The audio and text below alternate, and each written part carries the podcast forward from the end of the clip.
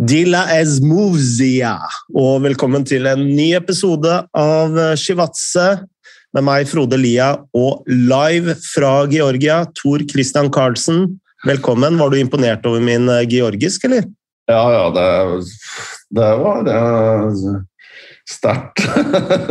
for, for, en, for, en, åpning uh, av, av uh, ukens podkast. Selv Chivadze ville vært stolt, tror jeg. Har du oversikt over hvilken eh, språkfamilie georgisk eh, tilhører? For det er ikke den russiske språkfamilien, vel? Nei, det er det ikke. Um, den, altså, hvis du ser på skriftspråket, altså hvordan det er skrevet, så er det bare sånn kruseduller. Um, men det er en av de eldste språkene i verden, tror jeg. Og det ligner kanskje også bitte litt altså på ren uttalelse, ikke på ord eller um, noe annet, eller alfabet, men det kan høres bitte litt ut som tyrkisk. Mm. Eh, men jeg kan, jeg kan, også forestille meg at det er, har likheter med armensk. da. Eh, men med hvilken språkgruppe det er, det så så uh, informert er jeg ikke. Men det jeg har oversikt over nå, Frode, det er um, hjemmebanen til eh, Dynamo eh, Tbilisi. Der eh, Chivadze tråkket sine sine Gåla Første Gåla fotballstøvler. Sånn på 60-tallet, sikkert. Eh, Boris et eller annet heter den stadion. Eh, men den sitter jeg og ser utover nå, fra hotellrommet mitt.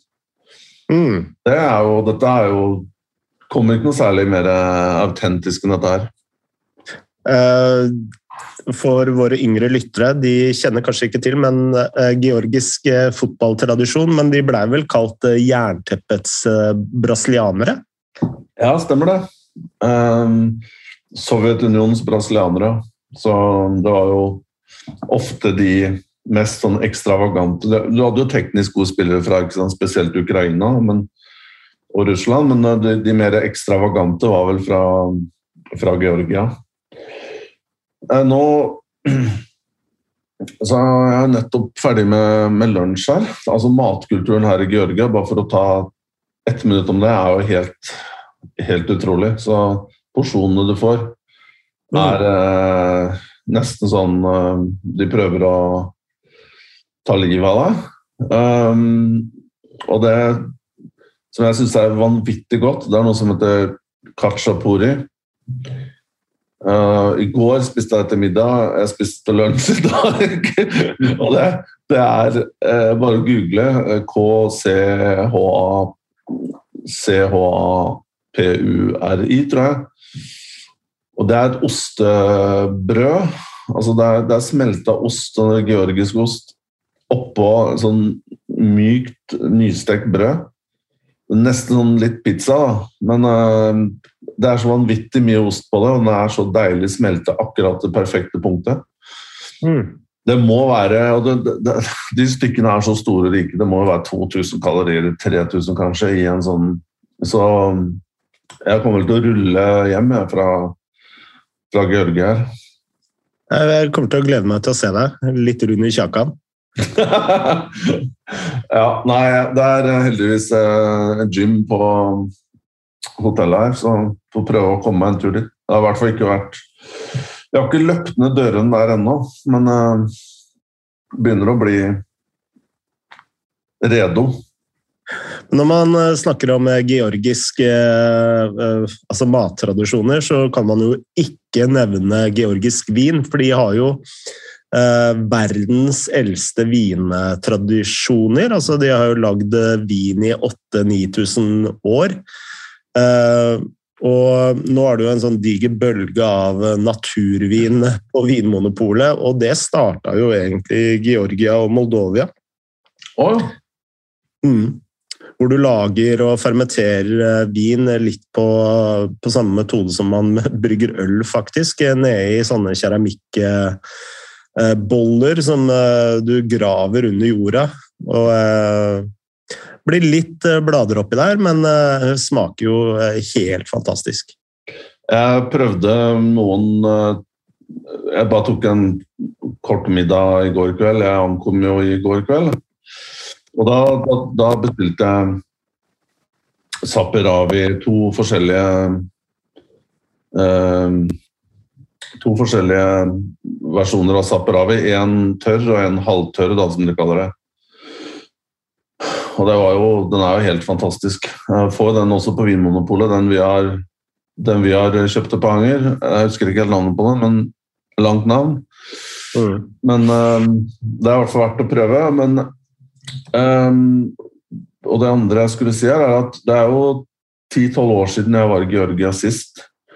Og det har jo bare på halvannen dag da, så ser jeg jo at ting har blitt veldig mye byen her har blitt mye mer um, europeisk, moderne, mye mer rent. Uh, pent, ikke så shabby. Det hadde jo også sin sjarm, men det er mye mer stil over det her nå. Og det ser man på vinkulturen og sånne ting. I kveld by the way, har jeg blitt bedt med på sånn craft wine-sted. Så da får jeg kanskje nedi, en tur ned i disse krukkene som du uh, prata om der. Mm. Uh, har du fått noe oversikt over georgisk uh, fotball om tida? Altså, hva er status der nå? Um, ja, serien starta jo for um, For uh, De har vel spilt sju-åtte runder, tror jeg. Um, så de, de, spiller jo sånn norsk kalender, ikke sant? Mm. Og det er jo i uh, fjor så ble jo Dynamo Batumi Batumi er jo Det er jo en seks-sju timer togtur, tror jeg, eh, vestover. Ligger ved Svartehavet. Um, de vant i fjor og leder nå igjen. De har jo to-tre landslagsspillere i tillegg, så det virker som at de har jobba ganske bra. Um, Dynamo Tbilisi, som er på en måte den store legendariske klubben her, som vant til og med eh, Europacup på 70-tallet, eller var det tidlig 80-tall. De mm, ligger på tredjeplass og har ikke vunnet på fire kamper, så jeg skal se dem mot uh, faktisk mot Dinamo Batumi på neste tirsdag. Uh, her i Tbilisi, så det blir jo spennende. Men jeg tipper det er litt sånn krisestemning bitte litt rundt, rundt uh, uh, Dynamo Tbilisi. Nå, nå bare ser jeg her at Dynamo, det var feil at Batomi vant. Det var Dynamo som også vant i 2020. Og 21 tror jeg ble suspendert pga. covid, virker det som. Men uh, det jeg er litt uh, interessert i her, da, Frode, det er jo å se på veldig unge spillere. Så jeg skal prøve å få sett noe U17, kanskje U16. For det tradisjonelt sett så har jo de beste georgiske spillerne gått til i hvert fall de senere årene, nesten eksklusivt bare til Russland og Ukraina. Og nå er jo de markedene så godt som døde. Eh, I hvert fall uh, lite aktivitet, dessverre. Um, så det har i hvert fall vært spennende å få en slags oversikt over um, over uh, up and coming spillere. Tror du eh, Norge og Skandinavia for øvrig kan være en eh, destinasjon for de beste eh, georgiske spillerne? Eller må de til et større marked? Nei, jeg tror det kan for så vidt uh, være uh, en op option, men uh, det er Du vet jo fotballkulturen her er litt annerledes, så, så det, tar, det, er nok De har nok kanskje ferdigheter som gjør at uh, norske klubber kanskje ikke uh, gidder å bruke så mye tid på. da. For det, det, vil ta litt tid før de venner seg til norske fotball og tempo og fysikken og, og sånne ting. Eh, og i tillegg så, så, kommer det kanskje ikke så veldig mange store spillere eh, gjennom hele tiden, men hvis det kommer én eller to, så, så så koster de mye penger, da. Da er det fort en kanskje 700 000-800 000 euro, og kanskje borti en million, hvem vet. Så.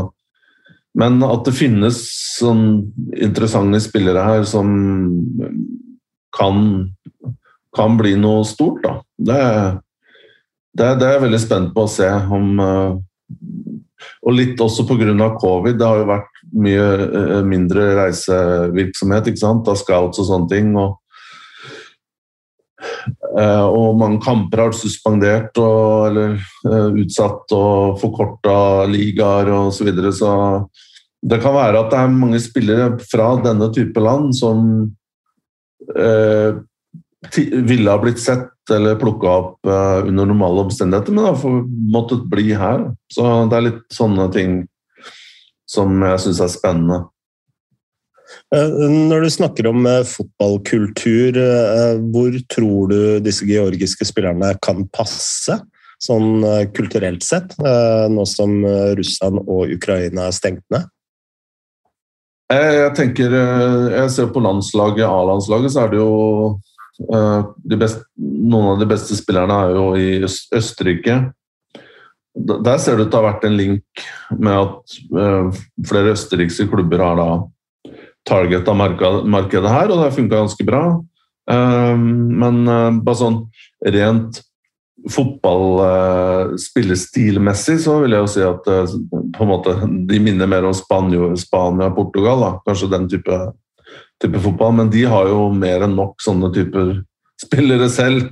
Så de kommer ikke hit for å hente, um, hente det samme som de produserer på akademiene. Men um, jeg, jeg, tenker vel kanskje litt sånn øst, Øst-Europa, Kypros, Hellas uh, Den type fotball er, er passende. Men hvis man henter spillere tidlig nok, så kan man jo, og man finner de riktige typene, så man, er det jo mulig å eh, integrere dem inn i en annen type fotball òg, da. Mm.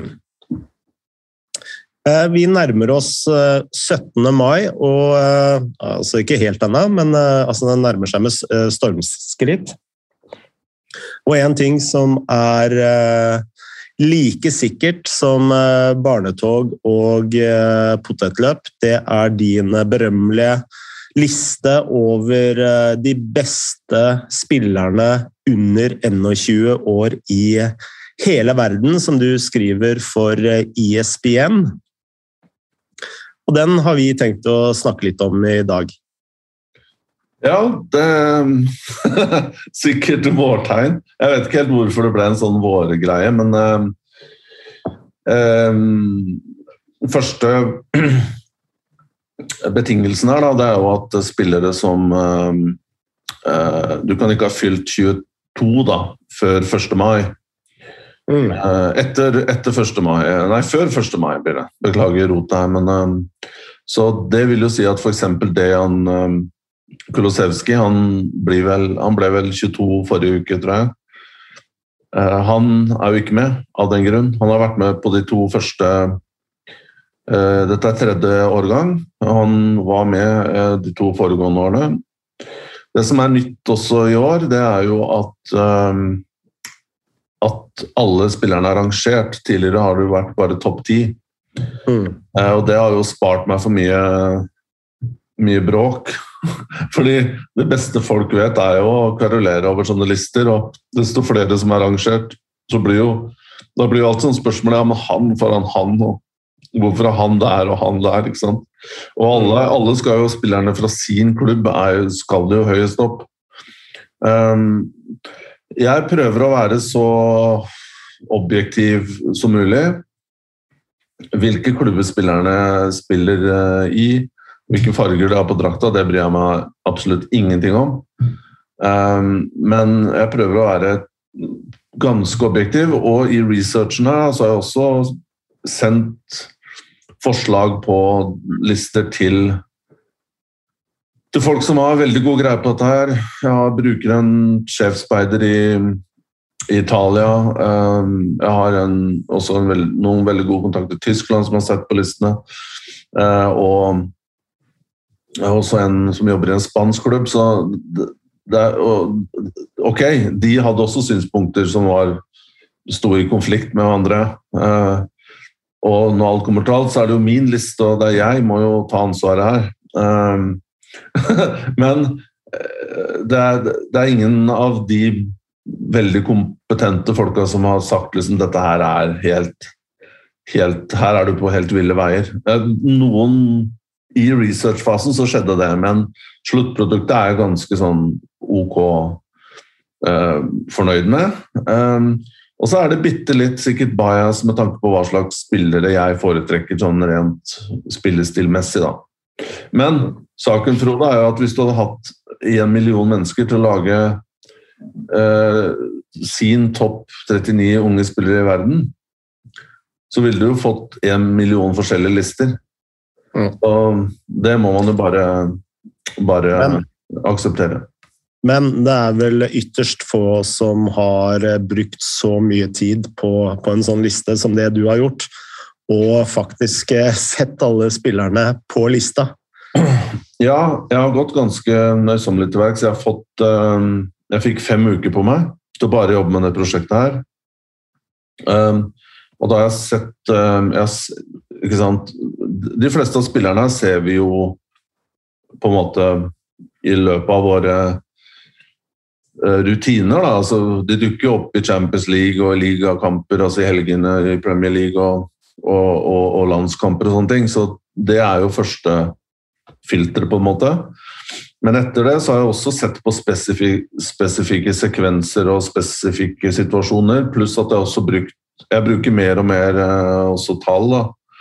Um, og metrics, som, så jeg har brukt litt forskjellige kilder og plattformer da, til å, mm. til å grave fram tall. Men, det, men eh, det, det, det, som er også viktig for meg, at det skal ikke bare bli og Jeg har jo flere liten shout-out til, til uh, kompiser som er veldig opptatt analytics-folk. Um, det er ikke meningen at dette skal være bare en analytics-liste. Eh, da, da, da, kunne man gjort det på selvsagt mye mer tallbasert måte, men meningen her er at det skal være en, skal være en cocktail da, av eye-test, referanser, personlig preferanse og, og analytics da, i tillegg. Så dette er en sånn mishmash. Eh, altså jeg har fulgt med denne lista over flere år, og det som slår meg i år, det er eh, fraværet av mange spisser og det at det er utrolig mange forsvarsspillere med på lista. Og det tenker jeg er litt nytt. Eh, slik jeg har telt det, og godt mulig jeg teller feil, så er det kun fire Eh, angrepsspillere. Eh, på, på, en liste på 39 spillere. Eh, er det litt få, eller? Um, ja det, det, er jo på en måte um, Jeg vet ikke om fire nå jeg, sitter ikke jeg med den akkurat, om det må være flere enn fire, men det kan godt hende du, du har rett. Men jeg, jeg, tror det som er litt uh, saken her, da, det er at mange av offensive spillere um, Altså Angrepsspillere har jeg satt Eller på en måte offensive midtbanespillere har blitt satt som midtbanespillere.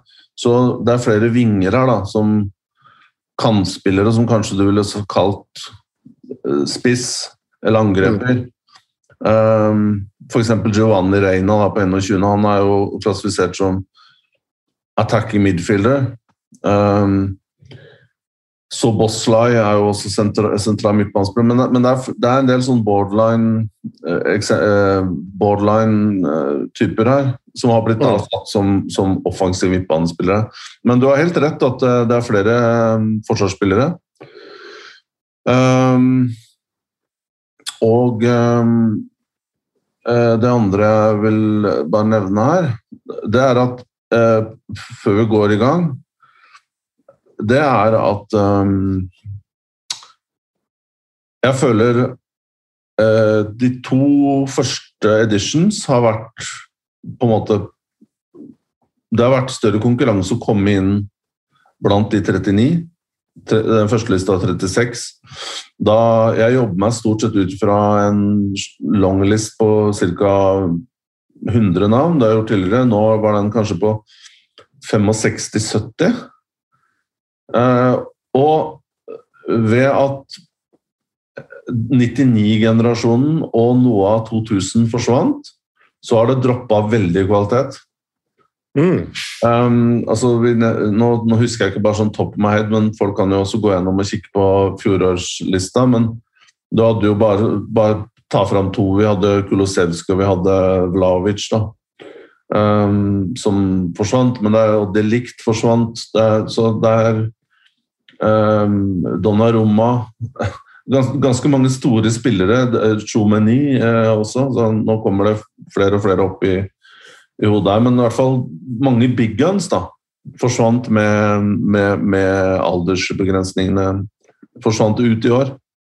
Og de som har kommet inn, har ikke på en måte, er ikke av den samme kvaliteten holdt på å si, som tidligere år, da. Mm. Bra. Uh, skal vi bare sette i gang? Ja, du får bare du får starte, og så hvis det er noen spillere som, er, som du ikke syns er så veldig spennende, så får du bare hoppe over. og her får Du bare, du kan jo godt bare lese opp noen, og så stoppe ved de du syns er spennende. Eh, jeg tar eh, fra 39.-plass til 31.-plass. Og så kom jeg med noen eh, kommentarer etter det. Og på 39.-plass har du Callum Hudson Odoi fra Chelsea. På 38.-plass har du Tino Livarmento eh, fra Southampton. 37.-plass har du Serginho Dest fra Barcelona. 36.-plass har du Jeremy Doku fra Rennes. På 35.-plass har du Fabio Vieira eh, fra FC Porto. På 34.-plass har du Brenton Aronsson fra FC Salzburg. Eh, på 33.-plass har du Erik Garcia fra Barcelona. På 32.-plass Piero Hincappi fra Bayer Leverkosen. Og på 31.-plass Mark Guei fra Crystal Palace. Eh, vi driver ikke med, med, med, kommentarer på uttale her, og det var jo et par jeg bomma litt på. Eh, jeg tror lytterne skjønte hvem jeg, hvem jeg sikta, sikta, til. Eh, to spillere her som jeg lurer litt mer på, og det er Fabio Vieira fra FC Porto. Han er 19 eh, år. Det er en kar jeg kjenner veldig lite til. Hvem er det? Nei, det er en spiller som har eh, egentlig hva, hva, skal man si hatt, fått, fått et skikkelig gjennombrudd akkurat siste par månedene. Um, har vært på radaren og er U21-landslagsspiller for Portugal. Uh, vært utrolig god der. Men før den sesongen her, til tross for at han er, um, han er 21 og nesten vippa opp på 22, faktisk, uh, så han er så, så, har han ikke spilt så veldig mye for Porto, men nå begynner han å få 90 minutter. Da. Og har vært veldig toneangivende de siste, siste kampene. Men det, det er en ja, veldig sånn typisk Litt Bernardo Silva, litt uh, type. Egentlig hvis du skal trekke en kanskje ikke så hardt arbeidende og god defensivt som, som Bernardo, men har det derre um, vendingene eh, Vanvittig god ballfører eh, dribleegenskapene. Og er en sånn type litt, relativt liten playmaker på midtbanen som er god til både fordele baller og god til å, eh, til å ta med seg ballen og, og, spille stikker og kombinasjoner rundt på, på siste tredjedelen. Og så har han et godt, godt tilslag eh, i tillegg. Har han skåret seks mål i, i, i, serien. Så det, det er han i et nøtteskall. Uh, en annen spiller som eh, er litt spent på, Brendan Aronsson. Han uh, er en amerikansk spiller, hvis jeg ikke bommer fullstendig. Og det er vel han som blir kalt Medford Messi.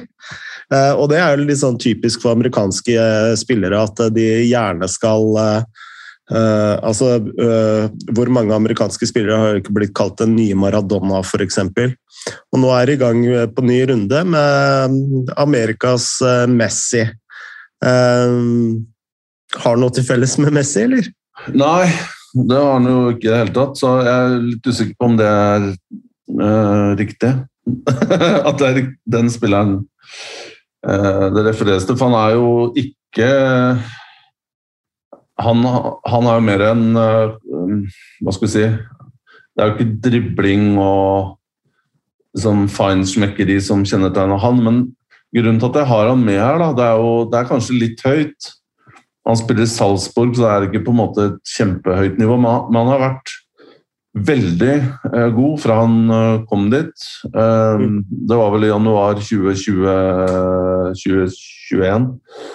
Eh, så han har vært der eh, drøyt år, da, mot halvannet, men på en måte fra første, første stund av. Vant, eh, kom dit fra, ble MLS-mester med Philadelphia Union og kommer inn i Salzburg og er liksom bare sklir rett inn i systemet og måten de spiller på, og har vært veldig toneangivende. Han er jo eh, altså noen av kanskje mest ekstremt på, på presspill. Da. I noe av det mest ekstreme jeg har, jeg har sett. Jeg lurer på om han har borti 28-29 press i løpet av en kamp.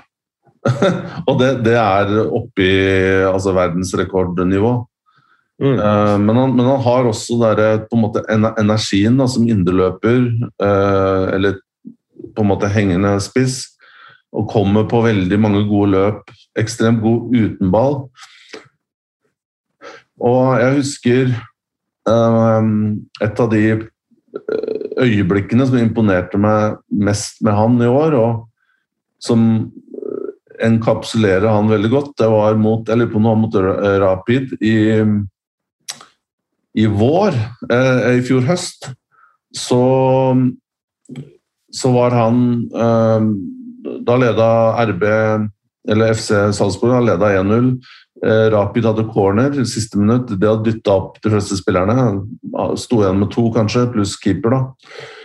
Og så vinner eh, Så vinner eh, Salzburg ballen fra corneren, og så setter de en kontring. og Da er det Okofor som kontrer. Han er et superrask ving. Så han bare Altså, han, han, du har da altså én mot to, og han bare løper uh, ute på kanten, for så vidt. Og han bærer ballen helt fram til um, ca. 16-meteren fra en ganske vanskelig vinkel, så fyrer han av skudd. Uh, keeper redder, og da, og da kommer Aronsen, da. Aronsen og, og, dunker inn returen. Han har da fulgt på vanvittig løp eh, som du faktisk ikke fanger opp i kamera, for det Okafor er så hurtig. Men nå er det sånn 92. minutt, spilt hele kampen, kjører da det løpet der og dunker ballen på retter, det sier mye om eh, både mentalitet og, og kvalitet. Mm. Eh, hva uh, tenker du om uh, Eller det er vel veldig mange som vil kanskje påpeke at Callum Hudson Odoi på 39. og Serginio Dest på 37. kanskje er litt lavt? Nja, Hudson Odoi er jo det med skadene og har ikke fått ordentlig gang karrieren igjen. da, og passer kanskje ikke så bra i systemet til Tuchel der heller. Har brukt han litt på wingback og sånn òg. Mm. Uh, men, men, det som slår meg litt med Hudson Odoi, på grunn av, spesielt pga. skadene, så er han litt på samme nivå som han har vært Stått litt på stedet hvil de siste to årene. Um, og, og, har egentlig samme egenskapene. Har ikke klart å adde så mange ting da, til spillet sitt, syns jeg. Uh, når det gjelder Dest, så så har jo han fått, uh, fått uh, konkurranse på, på høyrebekk, både Daniel Alves og Mingueza. og var vel bedre i det systemet med Koman, der han kunne med tre bak uh, og han kunne få litt mer fritt spillerom fremover. Men han har jo vært ganske svak defensivt i mange kamper nå i vinter og fått mye av skylda for, for mål og sånne ting. Så det er vel også andre som har hevda at han ikke burde være kanskje på lista i det hele tatt. Mm. Og Det er litt det samme med Erik Garcia. Altså de Forsvarsspillerne til Barcelona er litt vanskelig å um, rate. Altså, Garcia igjen er jo bare Han er jo ekstremt god med ballen og en av de dyktigste til å tre gjennom til midtbanespiller. og tørre, Han tør å spille sentralt. Han er så komfortabel og god med ballen at han, han kan sette i gang angrep. Altså bare den måten han spiller midtstopper på, men det er bare kort kommentar til om han, det er at jeg syns han har eh, blitt en bedre forsvarsspiller, da, i tillegg til de ekstreme eh, spillende egenskapene. Så syns jeg han håndterer også én mot én og sånne ting defensivt bedre enn han har gjort tidligere. Mm. La oss gå litt videre. Eh, på 30.-plass har du Jacob Bramsey fra Aston Villa. På 29.-plass har du Karim, eller Karim Adeyemi fra FC Salzburg. På 28.-plass har du William Saliba fra Marseille. Og 27.-plass har du Ilya Sabardny fra Dynamo Kiev. 26.-plass eh, har du Hugo Ekiteke. Ekitike ja. fra Reims. Og på 25.-plass har du Pierre Kalulu fra Milan. På 24.-plass har du Nico Gonzales fra Barcelona. På 23.-plass har du Charles Di Ketalera fra Klubb Brygge. På 22.-plass har du Josko Guardialo Nei, Guardiol og 21.-plass har du Giovanni Reina fra Borussia Dortmund. Eh, det er to spisser på, på denne sekvensen her. Eh, du har Karim Adeyema fra FC Salzburg, og så har du eh, Hugo Ekitiki fra, fra Reims. Og uh, starte med Karim uh, først. Er det også en typisk spiller fra Red Bull-akademiene? Eller altså, en type spiss som er først og fremst best i presspillet? Um, han er Han er decent i presspillet, men vil jo si at inntil nylig så er det jo mer Eh, avslutter, egenskapene, som har vært hans store, store forte. Um, samtidig også veldig veldig hurtig. da. Vi nevnte jo Okofor tidligere, men Ademi er jo ikke noe tregere. Man, uh, og han ble jo til og med tatt det, Han er jo tysk uh, fra Bayern-akademiet. Um, og Adiemia ble jo tatt ut til det tyske landslaget i fjor høst. Um, skårte på debuten mot Armenia, var det vel. Um, og det ble veldig mye snakk om han. Han skårte et par mål i Champions League ganske tidlig i fjor. Uh, men så har han slitt veldig nå, etter, uh, etter jul. Eller etter jul, nyåret. Um, og han skårer nesten bare på straffer. Jeg tror han har bare to mål på de siste sju-åtte kampene. Mens før da, så hadde han satt målene mye tettere. Mm. Han, men, det, men, det, er jo en ung spiller, han er 20 år, da. Um, så det svinger, og det kommer nok til å fortsatt uh, gjøre. Men uh, jeg syns han er en veldig sånn komplett spiller. Han har god, god touch, og han er um, sånn kom, han, han, kan skape ting litt på egen hånd. og og sånne ting i tillegg. Hugo Etitika? Ja, han er mer eh, en som virkelig har eh, slått seg opp i år. Eh, mer eh, Litt sånn mer eh, Ikke så raffinert da, som eh, som Adiemi, som vi var innom tidligere. Men han, er, han her er mer boksspiss. Eh, skårer de fleste av målene sånn fra veldig nært hold. Vil, vil, du si at det er litt sånn typisk eh, for de unge spillerne som spiller i league A, kontra Bundesliga og Østerrike? Eh, at uh, spillerne i Bundesliga Østerrike er kanskje litt mer taktisk skolert, men kanskje har ikke den der kraften som Etitike har, f.eks.? Nei, det var god ganske god um, oppsummering, syns jeg. Bortsett fra kanskje i Frankrike, hvis du kommer fra de beste akademiene, Lyon, Monaco um, Ja, så har du kanskje litt mer også litt mer skolert, men jeg er enig i den fremstillingen din der, ja. Mm.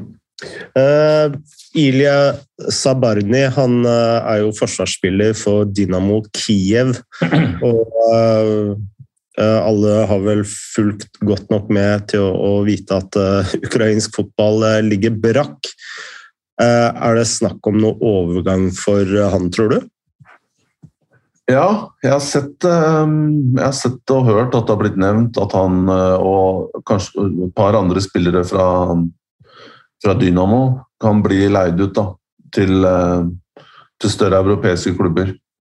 Mm. Um, men eh, slik jeg har forstått det, så, så, avventer de fram til sommeren eh, nå for å se hva situasjonen blir, da, om det er mulig å få kommet i gang med noe til, til høsten. Men når de skal i gang med pre-season og sånne ting igjen, så tror jeg det er da eventuelt at spillere kan fort forsvinne fra Ukraina. For det ser jo ikke ut som at dette her er noe som løser seg i løpet av veldig kort tid.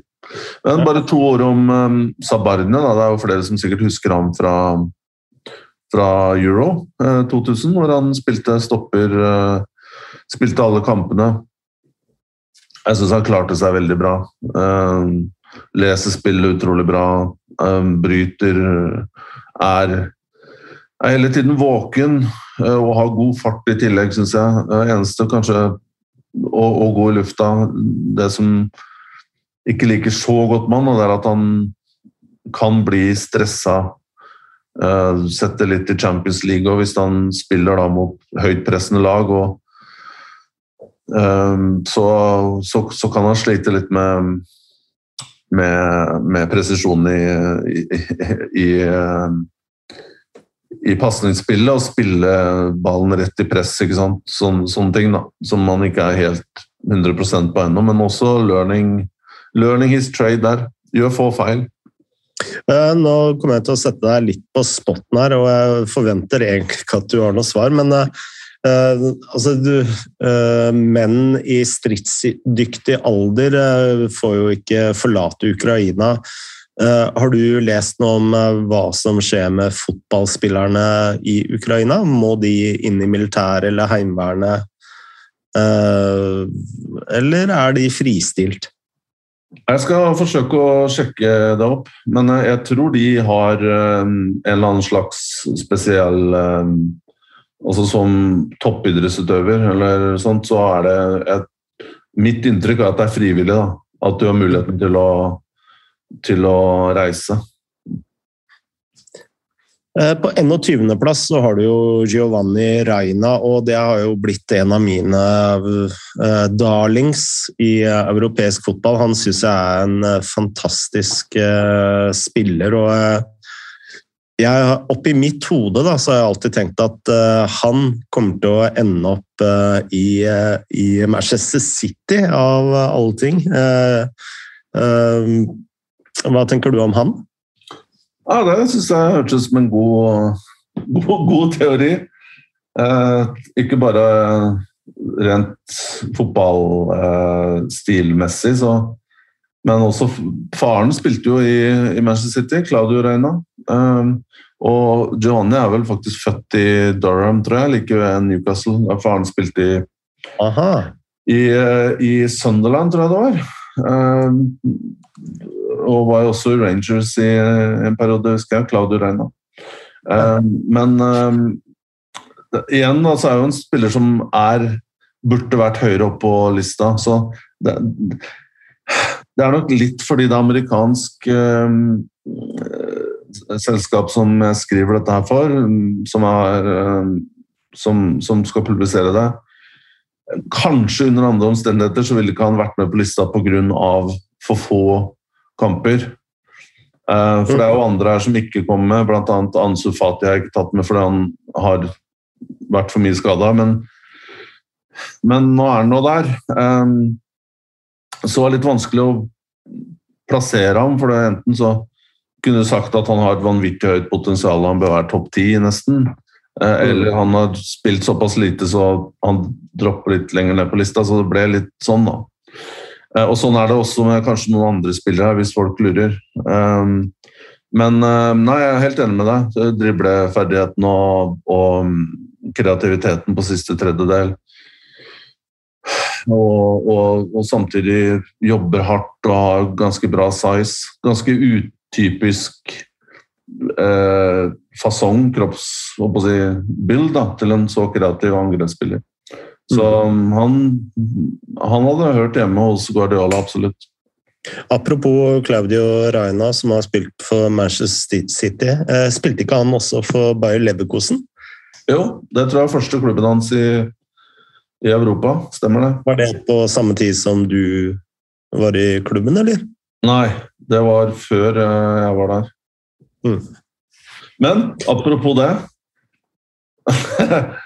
Da jeg var i Bayer Leverkusen, de hadde jo eh, de, de, drev jo med et sånt eh, De var liksom på amerikakjøret ganske tidlig. De hadde jo hatt andre spillere. Eh, men da jeg var der, så var det jo De henta jo Landon Donovan. Mm.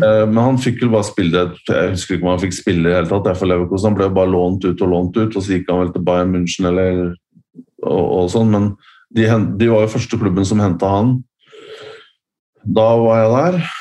Men det jeg skulle fram til at de, hadde, de henta også en amerikansk spiller. Det var litt sånn pga. Bayer, tror jeg operasjonene i USA og litt sånn. Altså, det var ikke bare på fotballfaglige grunner, men de henta også en som het Frankie Haydock.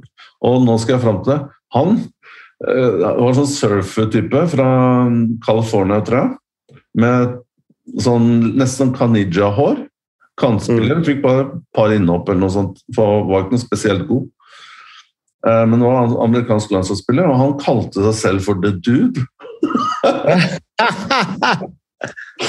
og det var bare så Dette er jo 20 år siden, da. Men han gikk rundt og kalte seg selv The Dude. Det sier litt, da. Må respektere det. Det er jo det jeg faktisk blir kalt. Ja, Av kona, eller? Ja, blant eh, nære venner. The Dude. Han kunne minne litt om håret sånn i gode perioder. Har litt sånn samme samme ekstravagante look. Mm. La oss eh, komme oss litt videre. Fra 20. til 11. plass. Eh, eh, på 20. plass har du Dominik Soboslai fra RB Leipzig. 19. plass har du Gabriel Martinelli fra Arsenal. Du har på 18. plass Nuno Mendes fra PSG. Du har Emil Smith Rowe fra Arsenal på 17.-plass. På 16.-plass har du Jeremy Pino fra Villarreal. På 15.-plass har du Sandro Tonalli fra Milan. Og du har Rodrigo på 14.-plass fra Real Madrid. Du har eh, Ryan Gravenberch fra Ajax på 13.-plass. På 12.-plass har du Jurian Timber fra Ajax. Og på 11.-plass har du Eduardo Camavinga fra Real Madrid. Um, Martinelli har jo virkelig fått sin uh, uh, ja, gjennombrudd, kan vi kalle det, i, i Arsenal. Uh, når jeg leser denne, altså denne Eh, denne sekvensen her, så er det vel Martinelli og eh, Rodrigo kanskje som har imponert meg eh, nesten siste tiden? Ja, jeg, jeg føler at Kan du si på kanskje fra 16.-17. her, så begynner det å virkelig å skru seg opp et nivå eller to på, på spillerne, syns jeg. Sånn fra mm. Jeremy Pino der og og disse Arsenal-spillerne, det er da du på en måte du ser et skille her, da, fra veldig gode til outstanding. Ja. Martinelli ble jeg ikke helt klok på, bortsett fra at jeg syns han er utrolig spennende fordi han er litt sånn uskolert og har den intensiteten i spillet. Um, gjør liksom utradisjonelle valg, men når han liksom får, først får ballen, så er det alt noe konkret. Han vil, han vil utfordre, han vil fram, han vil liksom Han skal ikke bare drive og sirkulere ballen og, og styre. Uh, men jeg blir ikke helt klok på da, for det, er han en impact uh, altså, Han har litt mer impact når han kommer innpå, syns jeg. Mm. Uh, og når han starter, så kan slokne han bitte litt. Bortsett fra den Leeds-kampen hvor han spilte i 90 minutter og skårte to mål. Hadde en kanonkamp borte der. Uh, mm. Men jeg syns det er litt sånn En spiller som Han spiller litt i rykk og napp, da. Uh, men når det napper, så napper det bra. Hvis det er lov å si. Ja, det er lov å si.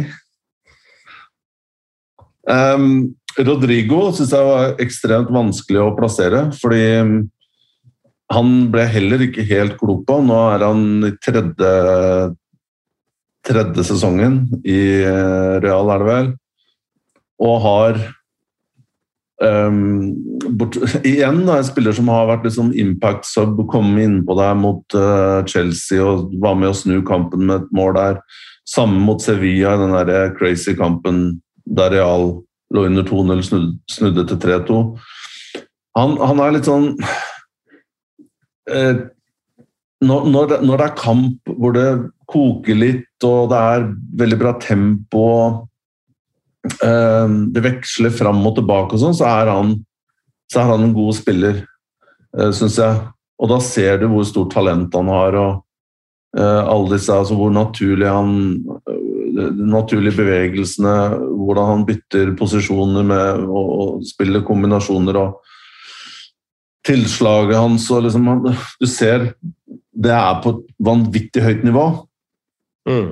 Men øh, Og han har kommet nå igjen litt sånn fra å være nesten aktuell for å bli lånt ut fra i januar, og så veldig dystert ut for han da, i klubben, så har han Eh, spesielt nå siste tre-fire ukene eh, virkelig gjort det bra. Det her er også litt av problemet med sånne lister, Frode. fordi man skal også prøve å holde i hodet at det er en liste som som skal være litt sånn um, Ja, som skal være en liste som uh, baserer seg på prestasjonene fra det siste året. Og at ikke bare blir recent uh, bias, da, med at du bare ser på liksom, formspillere i, i, april og mars og april. Og det blir gjerne litt av sånn derre at når man diskuterer dette her og sånn, da akkurat den konteksten der er litt lost for folk. da, Fordi man blir Ja, men Rodrigo skårte mot Chelsea og var vanvittig utslagsgivende, ikke sant? Ja. Eh, men man må huske på at han også gikk en og var frustrert da, i hele, hele første delen av, av, sesongen. og Gjorde ikke noe særlig impact, bortsett fra at han skåret noe sent mål eh, ja, i Champions League, tror jeg. Hva syns du om han? Jeg syns han er helt uh, fantastisk. Det er bare dette med ujevnheten. At uh, han kan også være helt borte i, i kamper, og så glemmer han seg jo ofte uh, defensivt. Og eh, jeg leste en sånn spansk analyse uh, av noe baklengsmål til Real Madrid i Champions League. Uh, og da er det ofte han som uh, slipper mann og ikke trekker hjem og, og, de tingene der. Og så er han veldig hissig på taklingene. Han prøver alltid å komme på forsida av mann, så han blir veldig, fort, veldig lett å vende bort. Uh, også biter meg i merket. Uh, mm. Mm. Så det er vel det. Eduardo Camavinga. Hva med de Ajax-gutta? Syns du de er høyt oppe, eller? Jeg er litt sånn Jeg syns jo det er fantastiske spillere, de to der. Gravenberg og, og Timber. Ja, altså eh, Jeg har ikke sett Ajax så mye, annet enn i Champions League. Så det, og f.eks. spillere som eh, Rodrigo da, og eh, Emil Smith-Roe og Martinelli, som du nærmest ser hver helg, så blir det litt sånn Jeg klarer ikke helt å gjøre den sammenligningen. Fordi de, altså de Ajax-spillerne er fullt for lite, da. Annet enn at eh, de ser jo fantastiske ut hver gang jeg ser dem. Eh, men samtidig så er jeg redd for at de også får veldig mye gratis, fordi de er et eh, Altså, de spiller under Ten Hag og spiller på et veldig organisert organisert lag. Så når du alltid har medspillere i alltid riktige posisjoner hele tiden, så er det også lettere å, å, å skinne på mange måter, da, enn f.eks. Uh, si eh, Sandro Tonali, da, som, hvor det, de spiller på en helt annen måte. Hvor det er mer eh, Altså Pauli eh, spiller jo en mye mer fysisk type fotball, da, og ikke, ikke en like skinnende fotball som de, de spiller i Ajax, hvis det, det, gir mening. Ja, jeg er absolutt enig, og det er jo selvsagt mange eksempler på Ajax-spillere som har gått andre steder og ikke lykkes så bra. Det syns jeg er um, Spesielt med de to her, da.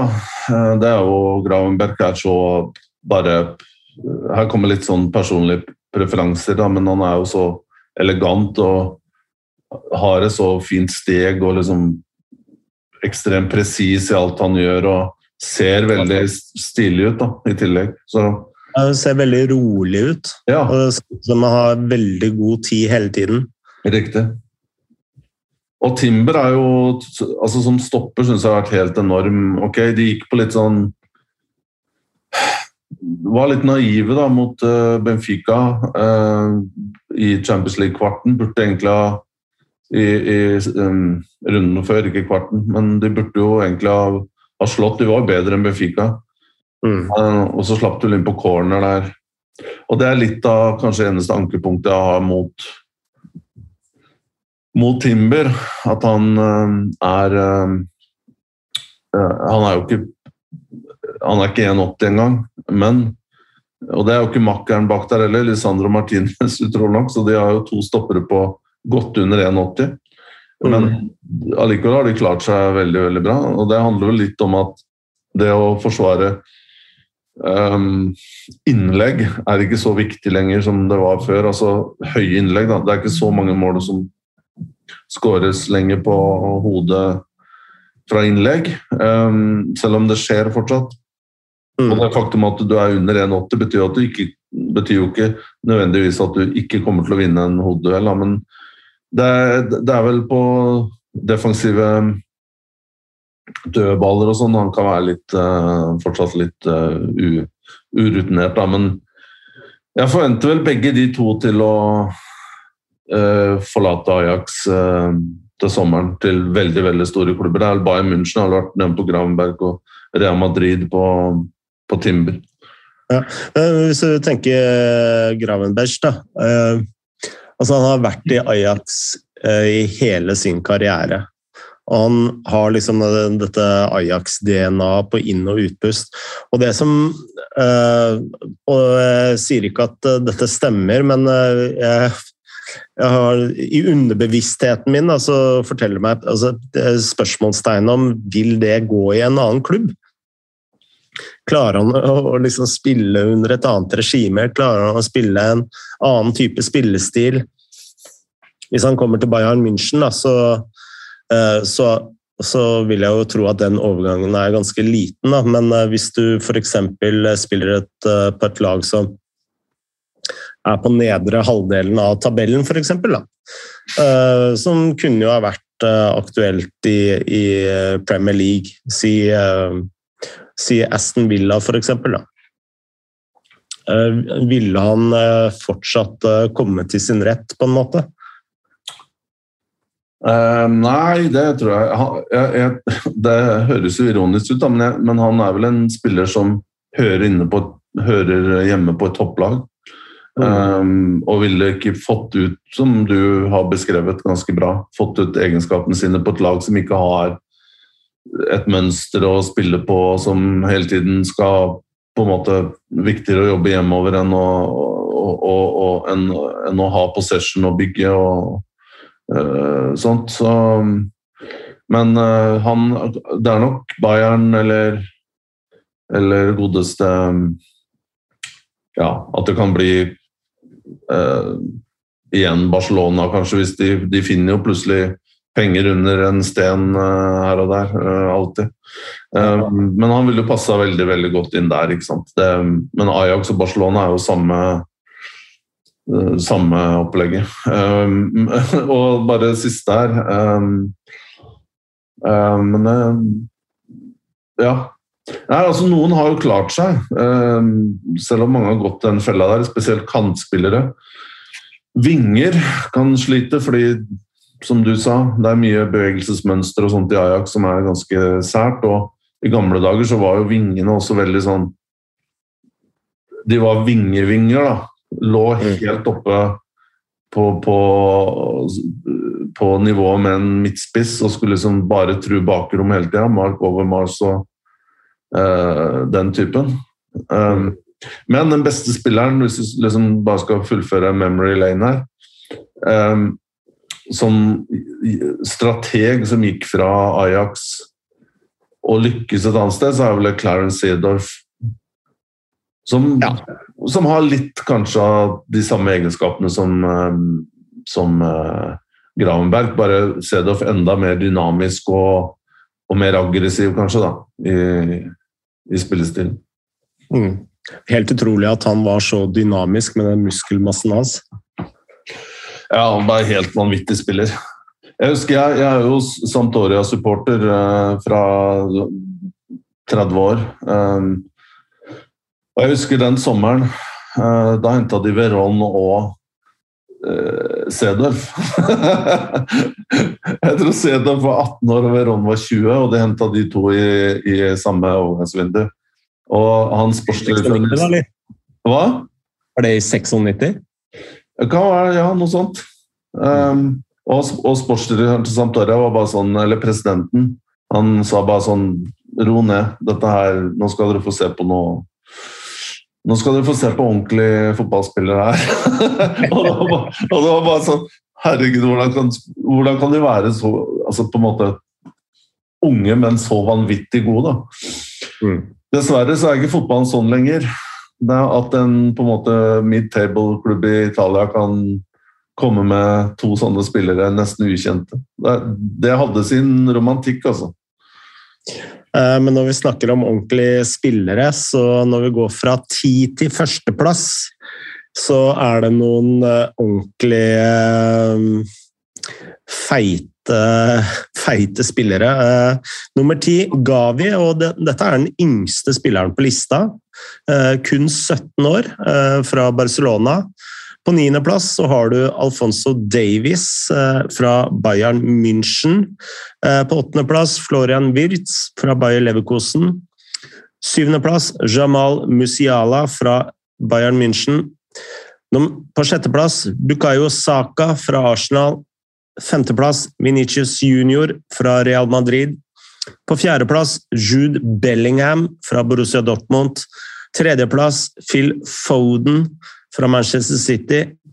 Andreplass Pedri fra Barcelona, og på førsteplass vår egen Erling Braut Haaland fra Borussia Dortmund, og nå straks Manchester City, vil vi tro. Ja, det er um, Det er ikke noe å si på topp ti der. Den er, den er nok nesten like sterk som i fjor, vil jeg påstå. Ja, Den er meget, meget uh, sterk. Uh, begynner med tiendeplassen. Gavi, uh, eh, 17 år og er helt outstanding til tider for Barcelona. Hvor god tror du han kan bli? Jeg, det Altså Forutsetningene til å bli bli en verdensstjerne. Altså en, en, på en måte generasjonsspiller. Da. Nå, vi snakker veldig ofte om den generasjonen Iniesta og Xavi og ikke sant? Eh, Piquet var vel en del av, og, og, og han andre altså Et par andre spillere. Men at et par av de som har kommet opp nå um, Altså, dette her har jo blitt sagt en million ganger, um, så det blir jo bare repetisjon, men altså Du kan si hva man vil da om Coman og den tiden der i Barcelona med siste månedene til Bartolomeo Eh, men at du da Nøden eh, Nøden, eh, mangel på overgangsmidler, gjør at de da bare dunker inn unggutt etter unggutt.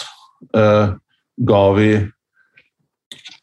Nico Gonzales eh, Ja, altså Ansu Fati er jo for så vidt også en del av den uh, generasjonen der, da. Men at du kan eh, ja, det, det, er nesten utrolig at du kan gå rett Og, og man ser jo kamper til eh, akademiet til Barcelona, ikke sant? Mm. Og man ser jo veldig, veldig gode fotballspillere. Du har jo vært der nede og, og, og vært der og brukt litt tid der selv og sånn. og du, du, ser jo på en måte fra 11-12 eh, eh, og opp til B-laget, så ser man liksom bare vanvittig gode fotballspillere i alle posisjoner. Men det er jo veldig vanskelig å vite hva blir det av disse her når de eh, får på seg eller kommer inn på, på fullsatt kamp nå, og det er eh, Du spiller mot mer kynisk fotball og mot verdensstjerner. Men for Gavi og Pedro så er det, liksom bare, det er bare second nature. De går inn og, og eier. Eh, det, det, er så selvfølgelig at de skal være der. Mm. De ber ikke om eh, lov, liksom. Det er bare, de bare tar plass og, og spiller. Så, mm. så, de må jo også ha noen mentale kvaliteter som er eh, helt uh, av skalaen. Mm. Uh, I denne toppstriden her fra Jeg vil jo si at det er et skille fra, fra Saka til Venitius junior på, på femteplassen her. Uh, Topp fem, uh, Vinicius Junior, Bellingham, Foden, Pedri og Haaland. Uh, hva var vurderingene for at Haaland gikk topp én, og Vinicius Junior uh, kun en femteplass, og ikke Phil Foden eller Pedri på førsteplass, f.eks.? Ja, det er akkurat den Vinicius Junior der, den, den, den blir liggende over disse kåringene som en sånn derre Uh, heldigvis så er det siste året han får bli med her. For det, han har jo vært på topp ti de siste to sesongene. Uh, og det er ingenting som har uh, skapt mer debatt og blitt latterliggjort over at han har vært med på den lista. på topp ti, altså. Mm. og her kommer også det med, med, med personlig preferanse og, og potensial. ikke sant? At det må også telle her den topp fire der, eh, topp fem, kan, kan, kommer til å bli diskutert, selvsagt. Um, og, og, det er eh, Hva skal vi si Fire forskjellige spillere, spillertyper. Jeg, jeg setter eh, Foden og Pedri litt i samme kategori, da. Mens de andre er veldig forskjellige. Haaland, Bellingham og Venezia Junior. Um, men Vinicius Junior har jo hatt en vanvittig sesong, altså som jeg skriver i, jeg skriver i teksten her, at bare hvis du ser på tallene her, da, så ser du at han han har dobla antall eh, eh driblinger. Så han har ni driblinger, hvorav 50, over 50 er vellykka.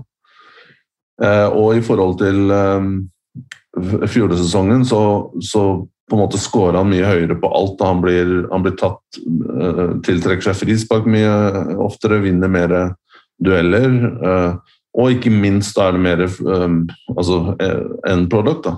Med, med 14 uh, mål i La Liga og 11 assist da. at the time of writing. Um, men det Altså, han han, han, er jo Hva skal jeg si? At han Det som er positivt her, da, det er at på en måte vi har sett hva uh, Vi har sett hele tiden hva han her kan bli kapabel uh, til å gjøre. Og egenskapene hans er så utrolig på en måte Det, er så enkle å, å fastsette, ikke sant? Og det kan jo bare oppsummeres i det målet mot, uh, i uka mot Manchester City, der han parkerer Fernandinho og bare uh, på en måte Hvor kjapp han er, i, og hvor god ballfører han er, og, og, blitt en god avslutter. ikke sant? Uh, og, mm. Så alt det der er i, i en sekvens, egentlig. Bortsett, og dribling, da, som starter, starter hele moroa. Vil du ha han høyere? Altså, etter jeg så kampen mot uh, Manchester City i går, så tenkte jeg nå er, nå er Venitius junior der. Nå er han liksom verdensklasse, uh, topp ti, tenkte jeg. Altså, jeg har alltid hatt et ankepunkt mot han. Da. At han, han er veldig unøyaktig i avslutningene sine. Han ser veldig lite opp for medspill, medspillere. Altså, han er flink til å drible én og to mann, og så stopper han gjerne på en tredje. Nå føler jeg han er mye mer effektiv i spillestilen sin enn det han har vært uh, tidligere. Da. Altså, det er med rett på og rett i en pasning eller uh, avslutning på mål. Og det han gjorde i går, var jo rett og slett outstanding. Så jeg, jeg tenker at han har tatt noen enorme steg bare det siste året. Um, men uh, om jeg ville hatt den høyere? Nei, det ville jeg ikke hatt. Altså, jeg, alle de fire du har på lista der, uh, i hvert fall tre av dem, Phil Foden, Pedri og Haaland, har jeg høyere enn uh, junior. Og um, Jeg vil bare hoppe inn på, på en ting her, Frode. Jeg syns mm. det er interessant den um, Altså Vinicius Junior og Rodrigo kom vel sånn omtrent eh, likt da, til Real Madrid, og de kosta omtrent det samme. Jeg tror den ene kom fra Santos, andre fra Flamengo.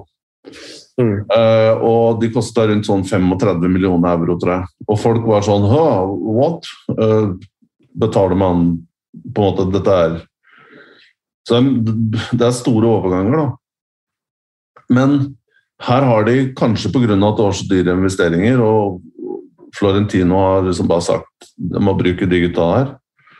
Men da ser man litt sånn eh, Jeg mener det er en fornuftig måte å drive fotballklubb på. Da. Altså selv i de dager hvor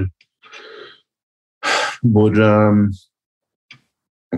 hvor du har sterke trenere som har sine egne meninger og, og, og du, må, du tror noen ganger at her venter vi på Godot som aldri dukker opp. Mm. Men så ser man at it pays off, da. At trenerne, eller Florentino eller hvem det er altså Venitius han kommer bare Han må bare spille mer, han må spille mer. Han må, må løse Og fotballforståelsen må bli bedre. Du, du oppsummerte det bra. Eh, ha bedre valg. Eh, og da kommer han. Og nå, nå har de fått reward. Nå er det en en 100 millioner euro-spiller, ikke sant? Mm. Eh, og kanskje en annen klubb hvor man ikke tenkte på den måten, så ville bare man ha gitt opp. Kanskje England, for eksempel, ikke sant? Der har man jo ikke tid til å, eh, til, å vente på spillere, ofte. Eh, blitt bedre der også, selvsagt, men det er i hvert fall en skikkelig premie, da. Mm. Eh, men eh, altså, hvis vi tar for oss eh, topp tre, da, og man snakker om preferanser, så jeg har jo en enorm forkjærlighet for Pedri. Og det handler jo veldig om at jeg elsker sånne type, type spillere. Altså, jeg elska jo Savi, jeg elska Iniesta, elska Zidane. Og så de brutale spillerne som eh, Erling Braut Haaland altså Jeg ser jo at han er helt fantastisk, men eh, altså, de varmer ikke hjertet på samme måte som en eh, teknisk midtbanespiller gjør. da. Um, så Det er vel eneste ankepunktet mitt, og jeg skjønner jo at det ikke er et argument for å sette Pedri over Erling i en objektiv liste. Jeg, jeg bare skyter før jeg går på topp tre at um, jeg, hvis man sier bias, da, så er vel kanskje Og det, det, som kommer til å vekke størst misnøye, er vel at Venitius Junior er bak Bellingham. Um, um, der er det en personlig preferanse, og jeg bare elsker den spilleren. Um, Altså, han er så fantastisk, syns jeg, Jude Bellingham. Men okay, Dortmund har vært opp og ned og ikke hatt en spesielt god sesong. Men det å se en, en, en spiller som er så ung, uh, altså han er 18 år uh, På en måte dominere og er så komplett og samtidig har den fysikken og hvordan han forserer med ball og pasningskvaliteten personligheten. Um, og, og, igjen, vi har nevnt det på andre spillere, men spesielt i det tilfellet er altså modenhet. Da. Altså han, I den, de landslag, eh, den landslagspausen som var sist nå um, I de landskampene her Jeg husker ikke om det var mot Sveits eller om det var mot uh, Albania eller var England, men i hvert fall de, de var, han var helt vanvittig god. Uh, og den beste spilleren til England. Um, og der er det igjen Og, og, og det, er, det, er, så utypisk å få fram en sånn spiller som er god i alle fasene av spillet og er så komplett. Um, det er så sjelden du ser det. Wirtz har kanskje bitte litt av samme egenskapene, men han er jo mer offensiv trekvartist, om du vil. Han spiller på tredje, tredje, tredje siste tredje. Men topp tre der um, Der var det faktisk mye debatt internt også, altså blant de jeg brukte som sounding board. Mm. Uh, og, som, og, det var flere som ville ha Pedri nummer én. Uh, jeg, her skal jeg være helt ærlig, bare sånn arbeids... Den første draften min Og det tok veldig lang tid før jeg hadde Eh, Foden bak Pedri. Jeg hadde Haaland nummer én. Og på ett tidspunkt så var jeg faktisk Jeg var klar til å bli overbevist om at Pedri skulle nummer én. Mm. Så her, her, var det mange, mange ting som overlapp hverandre, og mye kunne ha skjedd. Når jeg ser Foden nå i de siste kampene, eh, i en uh, semifinalene mot Atletico eh, Madrid, og eh, Real Madrid første kampen Altså, det, det Han er jo helt, helt vanvittig spiller, altså. Og Altså Pedri eh, Jeg er helt enig med deg, er en så komplett uh, estetisk fantastisk spiller. Mm. Men Foden har noe som jeg elsker med fotballspillere, og det er aggressivitet og entusiasme og arbeidskapasitet. Samtidig som han, er så praktisk anlagt, praktisk teknikk. Uh, og, og, nå er han jo på en måte Jeg var også på den på Derby mot Manchester United og så og Liverpool-kampen, uh, forresten, og så dem fra høyt oppe under taket der på, på Etiad. Mm. Og se det, alle disse initiativene som, som, Foden går på hele tiden. Og gjerne, gjerne ut på venstrekanten. Altså masse av de gjennombruddene han kommer, er liksom bare sånn nesten ving-gjennombrudd på venstrekanten. Er så aggressiv og skal ha ballen i bakrommet. Men samtidig så dukker han også opp i i det man kaller half spaces, altså indreløperrommet der. Da. Og kommer mm. på løp der, og han, han er liksom overalt hele tida og kan alt. Uh, så jeg, jeg, jeg, jeg Den topp tre kunne sett annerledes ut. Uh, men samtidig uh, Og det vil si at det som kanskje slår meg bitte litt med Pedri, og så har sikkert Barcelona losjen, masse forklaringer på dette her. Men Pedri har kanskje ikke det sluttproduktet ennå, da. Med tanke mm. på tellende bidrag. Og så har han sikkert masse sånn Ødegaard-assist, som vi kalte det da han ikke hadde assist, men fanboys, spesielt i media, måtte finne en måte å få skrytt han opp i skyene på. da. Mm. Eh, og det er fair, det. Eh, men eh, vi hører ikke noe snakk om sånn hockeyassist lenger nå.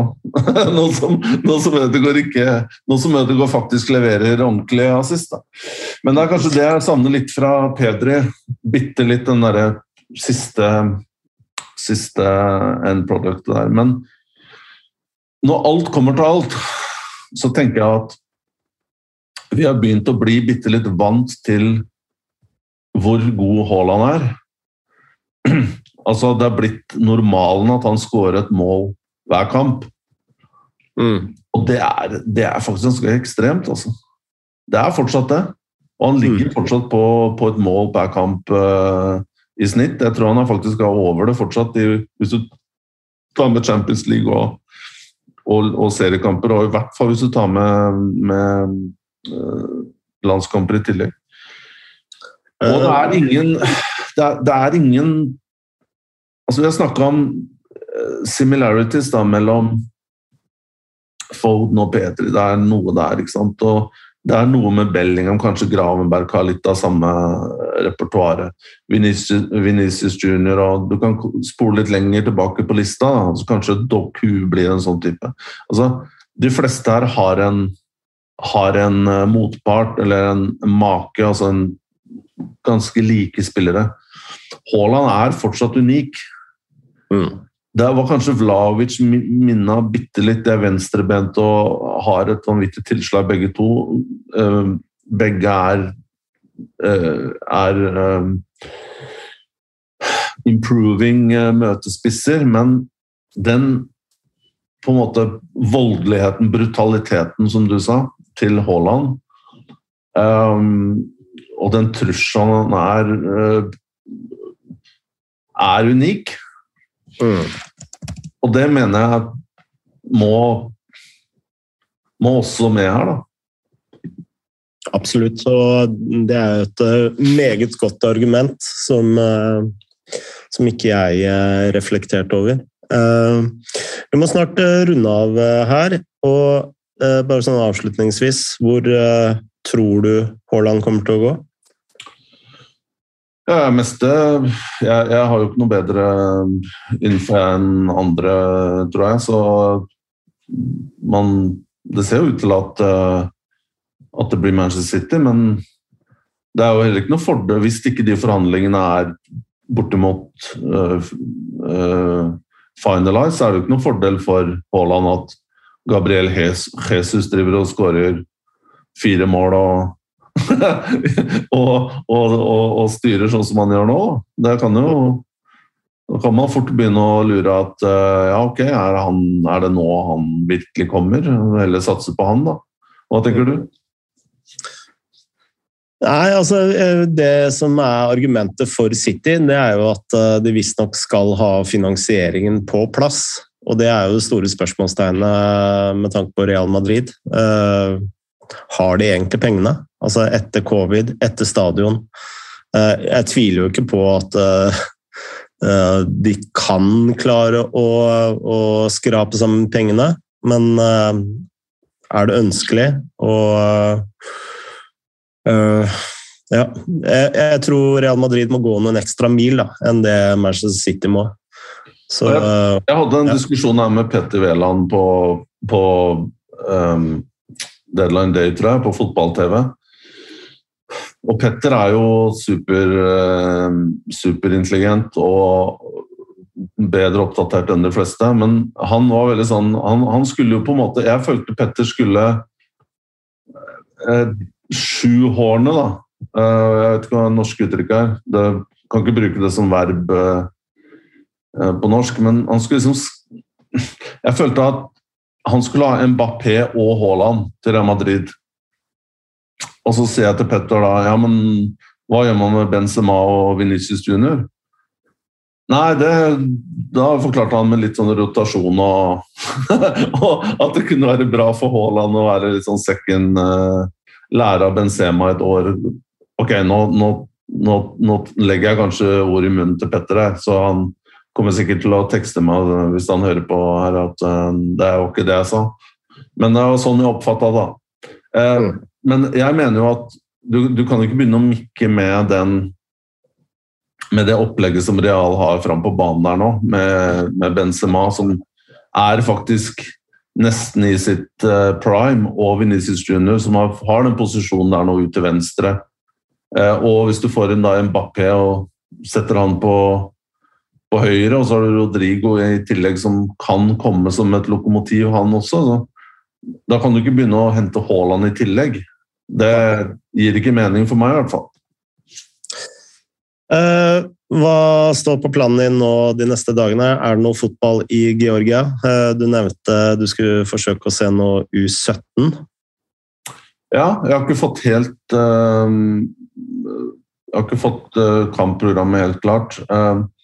Første Men det er jo den store kampen til til neste tirsdag, er det vel? Mot Dinamo Batumi. se hva det har å by på. Men jeg regner med at det blir noen ungdomskamper eh, nå. Eh, fredag, lørdag, søndag. Eh, så Så det skal vi nok forhåpentligvis få med oss. I tillegg så bare nevne shout-out til eventyreren Morten Galaasen som sikkert eh, podkastlyttere kjenner til, som muligens dukker opp her neste uke. Ja, da, du, da skal dere sikkert uh, ta supportervinklingen også? altså Dinamo Tbilisi har jo, spiller jo da bortekamp den lørdagen, tror jeg, etter Morten kommer på torsdag eller sånt. Og Morten har jo en idé om at han og jeg skal være med Dynamo Tbilisi-supporterne på den bortekampen. Det tror, jeg, det tror jeg, faktisk vi skal, få til. Sånn rent logistisk så tror jeg de, vi, vi, får til det. Men jeg er veldig usikker om jeg skal bli med på det greiene der, altså. ja, det skal jeg like. Eh, men eh, da sier vi at eh, vi skal ha full rapport i neste sending av Shivatse. Og så sier vi som vi alltid sier her i Shivatse, Miss Dovid Izrune, som er da ha det bra og ha det godt på, på georgisk. Er det noe du vil tilføye, TK? Nei, det var ti av ti exit, så vi sier oss fornøyd med det. Takk for nå. Moderne.